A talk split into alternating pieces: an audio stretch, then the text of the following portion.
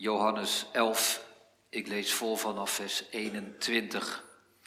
In het voorgaande is vermeld hoe Lazarus is gestorven en een boodschap naar Jezus lijkt zinloos te zijn geweest. Hij is niet gekomen, maar op dit moment, waar we beginnen te lezen, treedt hij in gesprek, in contact met Martha. Zij voeren een indringende gesprek. Johannes 11, vers 21. Martha nu zei tegen Jezus, Here, als u hier geweest was, zou mijn broer niet gestorven zijn. Maar ook nu weet ik dat God u alles wat u van hem, van God vraagt, geven zal. Jezus zei tegen haar, uw broer zal weer opstaan. Martha zei tegen hem, ik weet dat hij zal opstaan bij de opstanding op de laatste dag. Jezus zei tegen haar, ik ben de opstanding en het leven. Wie in mij gelooft zal leven, ook al was hij gestorven. En ieder die leeft en in mij gelooft zal niet sterven in eeuwigheid. Gelooft u dat?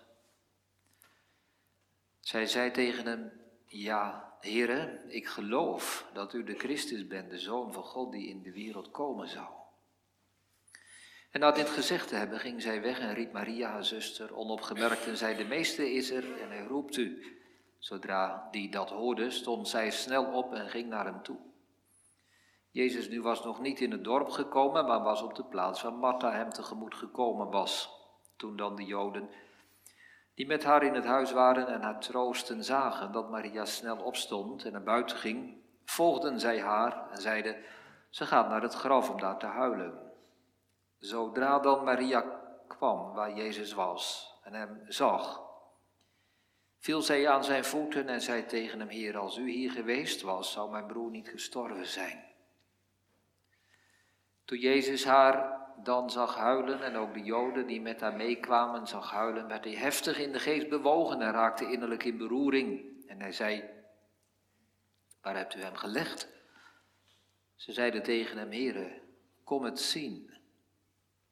Jezus weende. De Joden dan zeiden, zie hoe lief hij hem had. En sommigen van hen zeiden, kon hij, die de ogen van de blinde geopend heeft, ook niet maken dat deze niet gestorven was? Jezus dan opnieuw heftig bewogen in zichzelf kwam bij het graf. Het was een grot en er was een steen opgelegd. Jezus zei, neem de steen weg. Martha, de zuster van de gestorvene, zei tegen hem, Heere, hij ruikt al, want hij ligt hier al voor de vierde dag. Jezus zei tegen haar, heb ik u niet gezegd dat u als u gelooft, de heerlijkheid van God zult zien.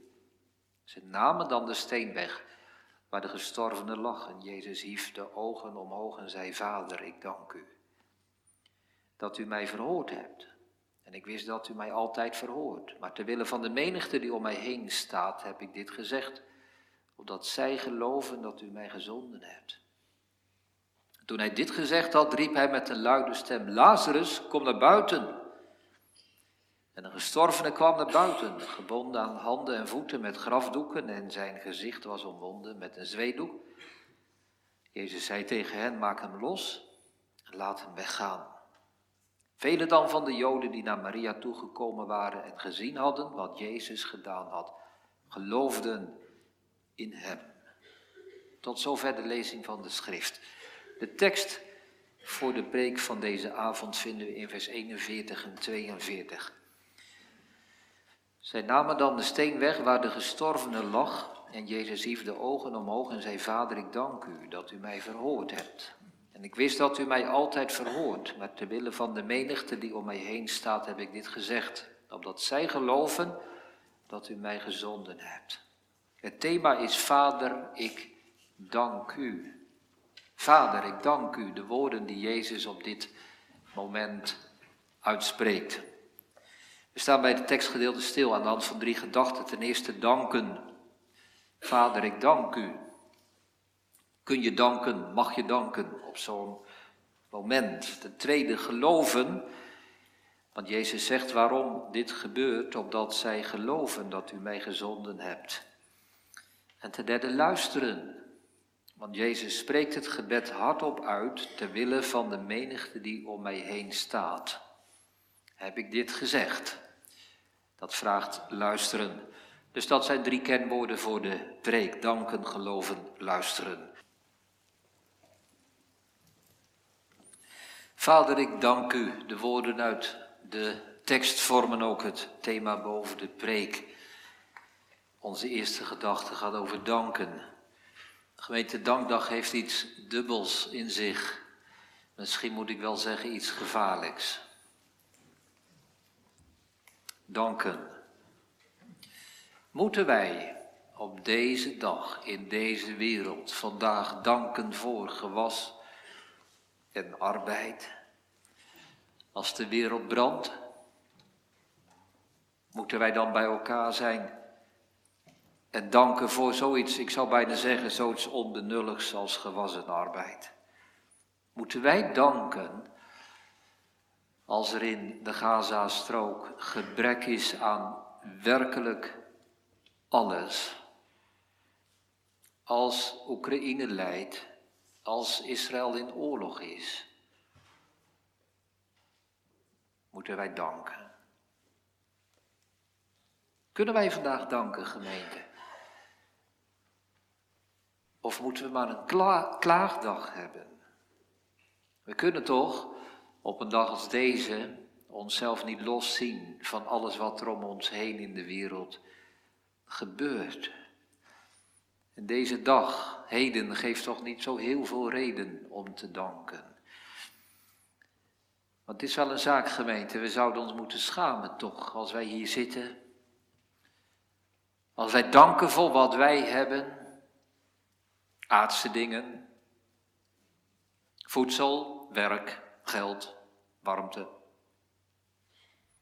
Voordat we doorhebben, bidden we op een manier die ongeveer als volgt gaat. Wij danken u dat het in de Oekraïne-oorlog is en bij ons gelukkig niet. Ja, zo zeggen we het niet natuurlijk. Maar het zou maar zo kunnen dat dat wel de ondertoon van ons gebed is. We danken u dat de Joden de schuilkelders in moeten en wij niet.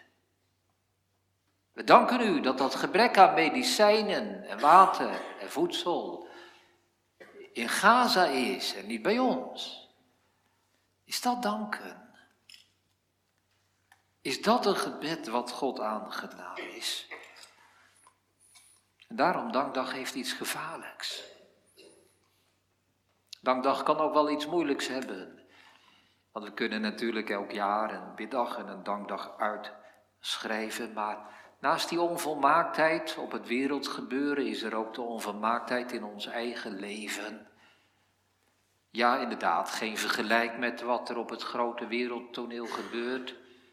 Maar toch, het is ons eigen leven met onze eigen zorgen, met onze eigen pijn en rouw en ziekte en verdriet. Het is toch ons leed, onze eenzaamheid, onze sterfelijkheid die het danken soms moeilijk kan maken. Wel gemeente, als we met die gemengde gevoelens hier vanavond zijn, dan kunnen we de tekst lezen.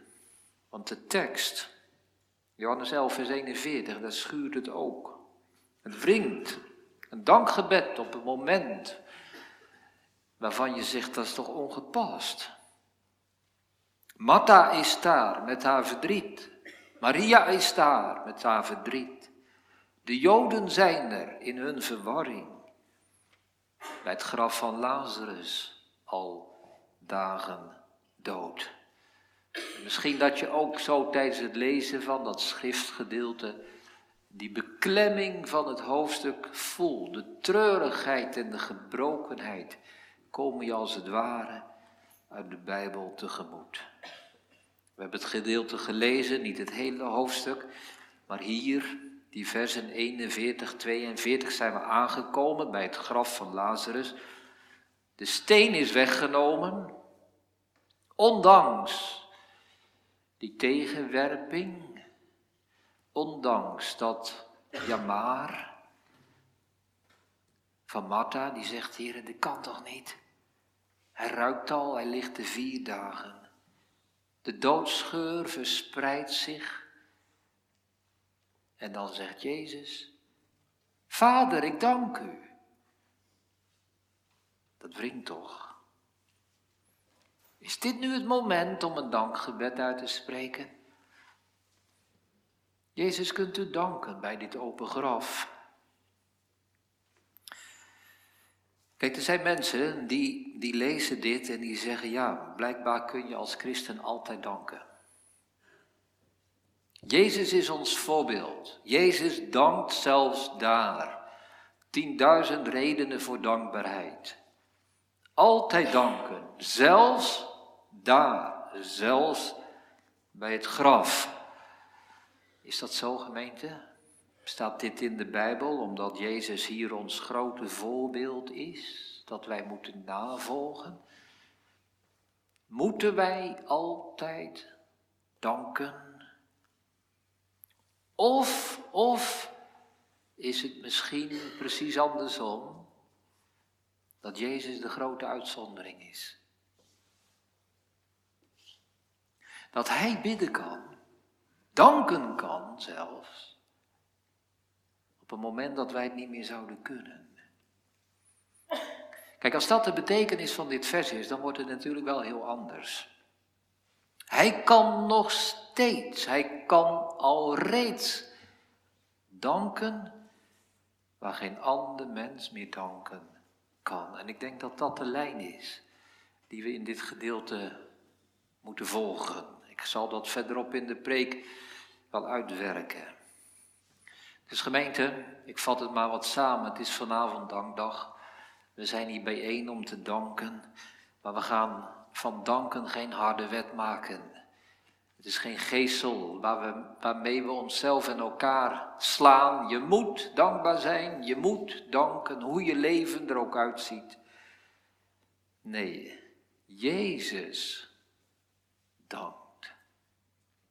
Hij vraagt niet, Martha, wil je meedanken? Hij zegt niet, Maria, nu moet jij danken. Hij neemt de die Joden niet kwalijk dat ze stilvallen. Jezus dankt. En vanavond is het dankdag. Maar niet omdat wij altijd maar zomaar kunnen danken. Jezus dankt en dat is voor dit moment gemeente genoeg. Voor deze dienst. Jezus dankt. Tweede gedachte, geloven. Waarom gebeurt dit? Waarom staat dit in de Bijbel? Waarom is deze wrange en wringende geschiedenis in de schrift opgenomen? Er staat bij waarom. Vers 42 aan het einde. Dit heb ik gezegd, opdat zij geloven dat u mij gezonden hebt. Dat is wel een bijzondere zin opdat zij geloven. Opdat zij geloven. Dus wij zijn, zo voel ik dat, zo mogen we dat zien, denk ik, wij zijn vanavond aanwezig in die geschiedenis daar. Ook wij staan als het ware bij dat graf. Wij zijn even goed betrokkenen als dat de Joden dat waren. En wij voelen die verscheurdheid. En we zien de tranen van Martha en Maria. We kennen de verwarring. En we voelen de vreugde als dat verlossende woord van Jezus gaat spreken. En hij zegt, Lazarus, kom uit. Maar dat is niet waar het hoofdstuk uiteindelijk over gaat. Jezus ziet verder. Jezus verlangt meer. En deze paar woorden laten dat zien. Opdat zij geloven. Dus daar gaat het om, gemeente. Uiteindelijk gaat het niet over Martha, Maria, de Joden. Het gaat over ons.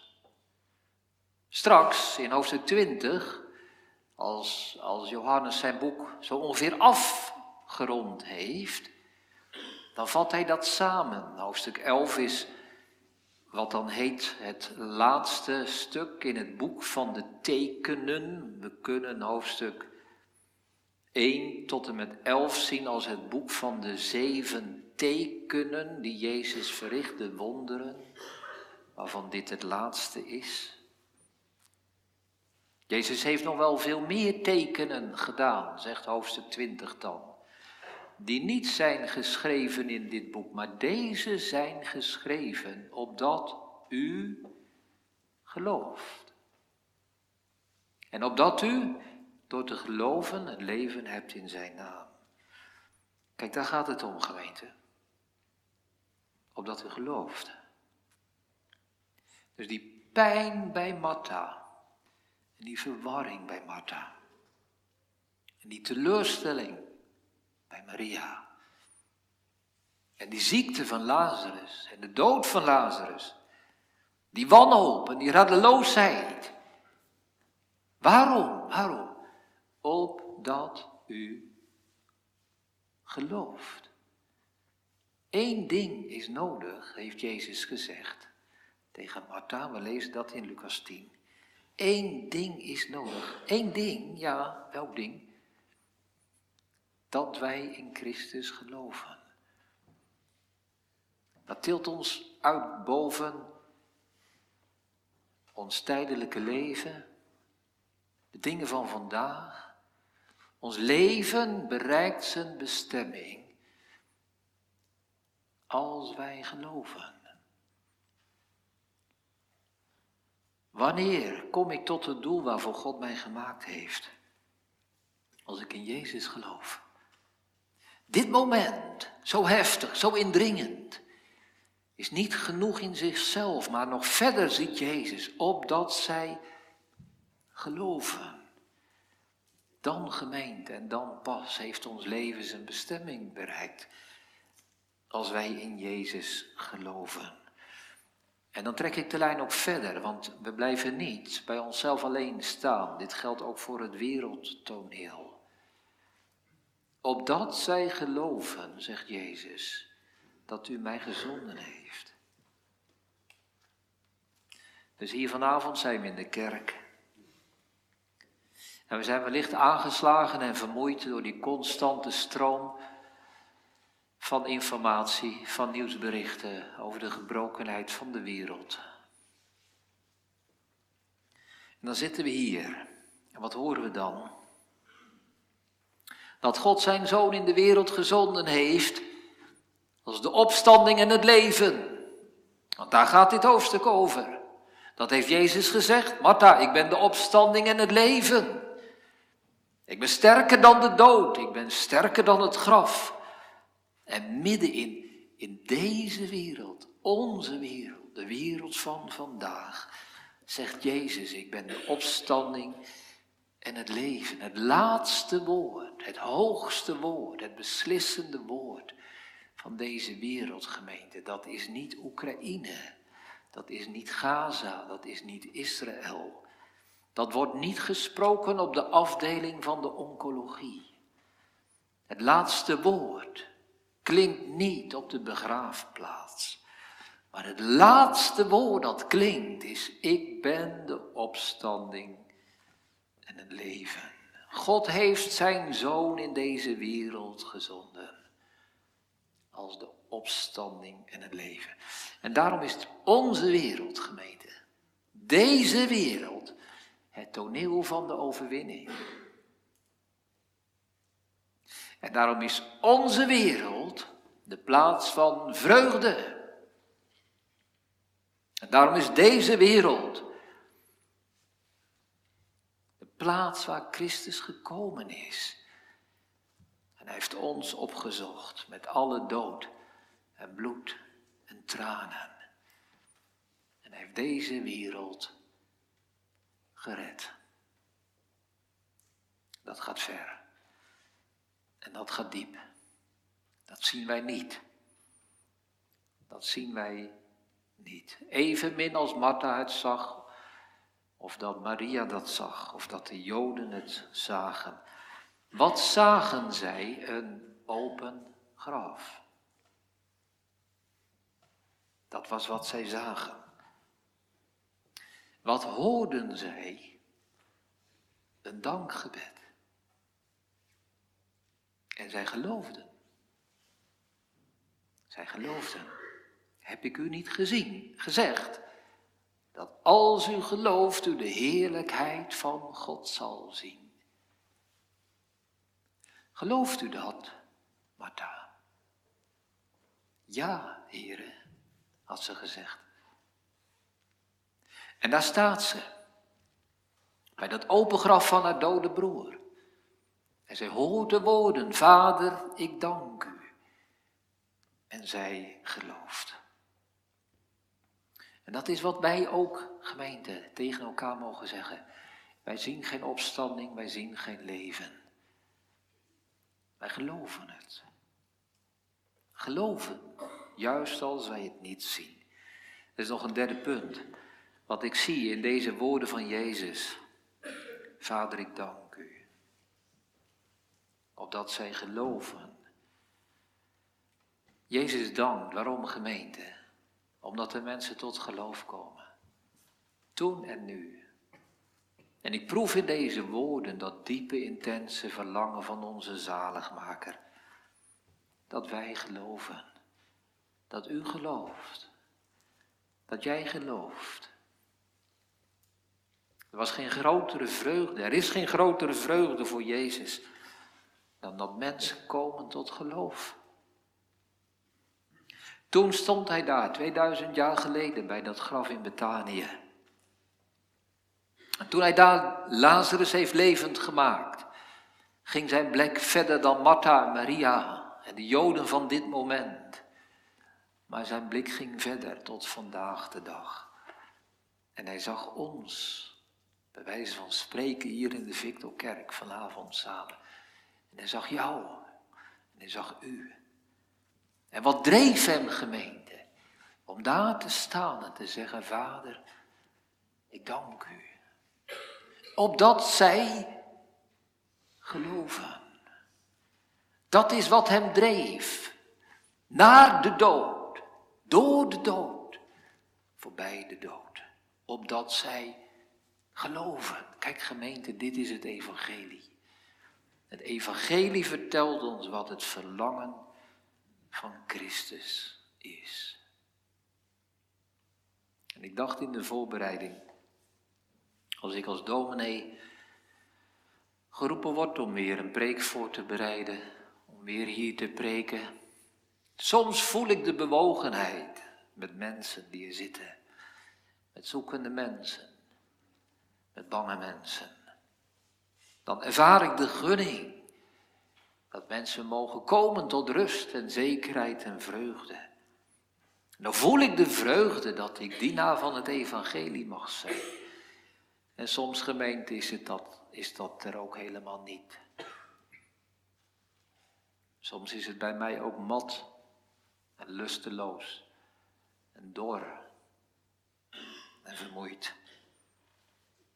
En soms vult mijn hart zich met diezelfde uitzichtloze vermoeidheid die we tegenkomen in Johannes 11.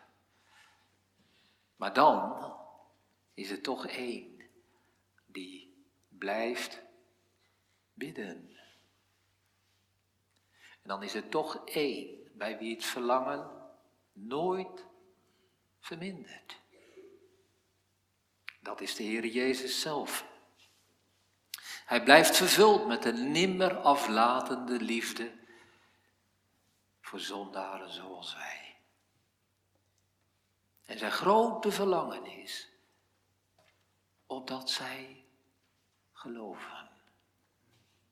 En daarom, gemeente, ik hoef hier vanavond niet mijn eigen bewogenheid en gunning te etaleren. Ik vertel over Jezus. Ik mag Mijzelf en u en jou doorverwijzen naar Hem, die één ding verlangt, opdat zij geloven. Kijk, dat is het evangelie. Dat is uiteindelijk helemaal niet van de gunning van dominees afhankelijk. Dat is de gunning en de bewogenheid van God zelf. En als we dit geloven, als we deze woorden van Jezus horen, Geloven gemeente, dat kan nu, hè? dat mag nu. Dan mag je meeluisteren en verder gaan. Het derde punt van de preek. Luisteren. Danken hebben we gezien. Geloven. Ten derde luisteren. Ik kom nog een keer terug op dat danken. Vader, ik dank u, zegt Jezus. Het is dankdag vandaag. En wat wij hier zien is dat wij, dat wij een blik krijgen in het gebedleven van Jezus. Hij vertelt het niet, simpelweg tegen de mensen die daar staan, maar hij bidt, hij dankt. Vader, ik dank u dat u mij verhoort. Daarvoor had hij gezegd, we lezen dat in Johannes 5, vers 30, ik kan van mijzelf niets doen. Dat is goed om dat mee te nemen. We zouden anders kunnen denken, ja kijk, Jezus heeft daar makkelijk praten natuurlijk. Die staat daar bij dat graf. Die weet wat er gaat gebeuren. Die is God in eigen persoon. Voor hem totaal geen moeite om de doden levend te maken. Ja, natuurlijk dankt hij. Ja, maar zo is het niet. Van mezelf kan ik niets doen. Dus hij zegt hier, ik dank u dat u mij verhoord hebt. Dat laat zien dat hij gebeden heeft, gevraagd heeft, gesmeekt heeft, geworsteld heeft om de opstanding van Lazarus uit de doden. En nu zegt hij, Vader, ik dank u. Ik heb het u gevraagd. U hebt mijn gebed verhoord. Nu gaat het gebeuren. Hij dankt. En hij spreekt dat hardop uit. Waarom doet hij dat? Hij zegt het erbij. Ik wist dat u mij altijd verhoort, maar ter wille van de menigte die om mij heen staat, heb ik dit gezegd. Hij spreekt het hardop uit. Niemand bidt, niemand dankt bij dat graf dan Jezus alleen. Maar hij dankt hardop. Zodat wij het kunnen horen. Kijk gemeente, het evangelie is niet een verborgenheid. Het evangelie is niet een geheim wat zich afspeelt bij God in de hemel en waar wij mensen geen benul van hebben. Het evangelie is openbaar en bekend. Ik heb nooit in het verborgene gesproken, zegt Jezus later in Johannes 18. En hier ook, wat zich daar in dat geheime, in dat intieme contact tussen God de Vader en God de Zoon heeft afgespeeld, dat spreekt Jezus uit, zodat wij het weten. Luisteren, gemeente. Het is dankdag we hebben die aarzeling uitgesproken dat het niet meevalt om in 2023 dankdag te houden. Maar we mogen luisteren naar het dankgebed van Jezus. Laat dat de dankdag zijn van dit jaar. Luisteren naar het dankgebed van Jezus. En op dat moment, als het leven en de onvergankelijkheid nog niet te zien zijn, als het graf open staat, als het niet meer erger kan, lijkt te kunnen dan dat het is. Midden in deze gebrokenheid. Dank Jezus en wij mogen luisteren. Ter wille van de menigte die om mij heen staat. Kijk gemeente, dat is eigenlijk geloven. Ik vind geloven zo moeilijk, zegt iemand. Ja, maar geloven is luisteren. Luister naar wat Jezus zegt. Luister naar wat Hij doet. Hij heeft gedankt voor Lazarus. Hij heeft zijn vader gevraagd, vader, ik wil dat Lazarus uit de doden opstaat. En zijn vader heeft hem verhoord. Hij heeft gebeden om het leven voor Lazarus en hij dankt hem nu hij verhoord is. Maar gemeente, laten we niet bij, je, bij, laten we niet bij Lazarus blijven staan. Want heeft Jezus ook niet voor ons gebeden? Is hij niet daarom naar de hemel gegaan? Die ook voor ons bidt? Is dat niet het grote hoogtepunt van zijn priesterlijke werk? Die gestorven is, ja, wat meer is, die ook opgestaan is, die ook voor ons bidt. Vader, ik dank u dat u mij altijd verhoort. Gemeente, niet alleen Lazarus is in, in het gebed van Jezus begrepen. Dat zijn wij ook. Alle gelovigen, allen die luisteren, zijn in het gebed van Jezus begrepen. En ook bij ons heeft dus uiteindelijk het leven en de opstanding het laatste woord. De wille van ons bidt Jezus hardop. Vader, ik dank u. Ik heb voor hem, ik heb voor haar, ik heb voor u, ik heb voor jou gebeden. En ik dank u dat u mij altijd hoort. Luister, luister naar wat Jezus zegt. Gemeente, dit is onze zaligheid. Niet wat wij doen, niet wat wij presteren. Wij luisteren. Wij luisteren. Als de dankwoorden op onze eigen lippen besterven, dan wordt het stil. Maar als het stil wordt, dan komt er ruimte om te luisteren naar het dankgebed van Jezus. Wij hebben geen woorden voor wat er in deze wereld gebeurt. Wij kunnen het niet vatten wat er in ons eigen leven gebeurt. Het hoeft ook niet. Wij luisteren. En wij geloven wat Jezus zegt.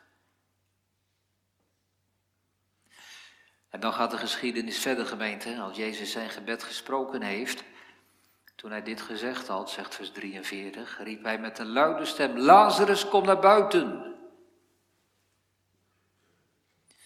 En wat Jezus over Lazarus zei op dat moment, dat zal hij straks met luide stem roepen over ons allen. Al in de oude kerk hebben de kerkvaders gezegd, het is maar goed dat Jezus erbij zei, Lazarus kom naar buiten, want zeiden zij, anders waren op dat moment alle doden opgestaan. Ja gemeente, er komt een moment dat Jezus die naam Lazarus weg zal laten. En dat hij zal roepen, kom naar buiten, op die laatste dag van de wederkomst. Zullen alle graven geopend worden dat ene bevel van Jezus, kom naar buiten.